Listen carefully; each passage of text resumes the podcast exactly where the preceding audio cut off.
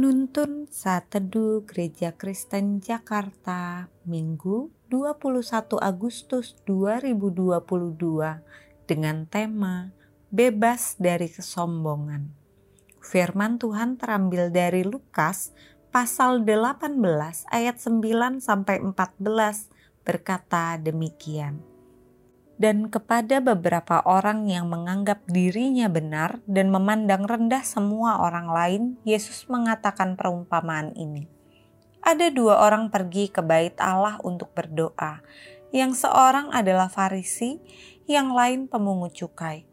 Orang Farisi itu berdiri dan berdoa dalam hatinya begini. Ya Tuhan, aku mengucap syukur kepadamu karena aku tidak sama seperti semua orang lain, bukan perampok, bukan orang lalim, bukan pezina, bukan seperti pemungut cukai ini. Aku berpuasa dua kali seminggu.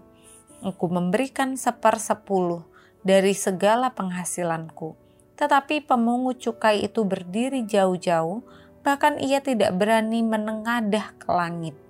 Melainkan ia memukul diri dan berkata, Ya Allah, kasihanilah aku orang berdosa ini aku berkata kepadamu, orang ini pulang ke rumahnya sebagai orang yang dibenarkan Allah, dan orang lain itu tidak. Sebab barang siapa meninggikan diri, ia akan direndahkan, dan barang siapa merendahkan diri, ia akan ditinggikan.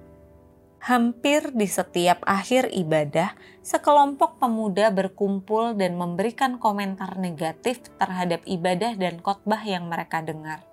Percakapan yang paling sering mereka ucapkan adalah, "Khotbahnya terlalu dangkal ya," atau "Pembawaannya membosankan."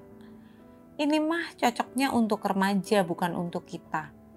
Pemimpin pujiannya kurang semangat, bikin ibadahnya nggak ngangkat dan seterusnya.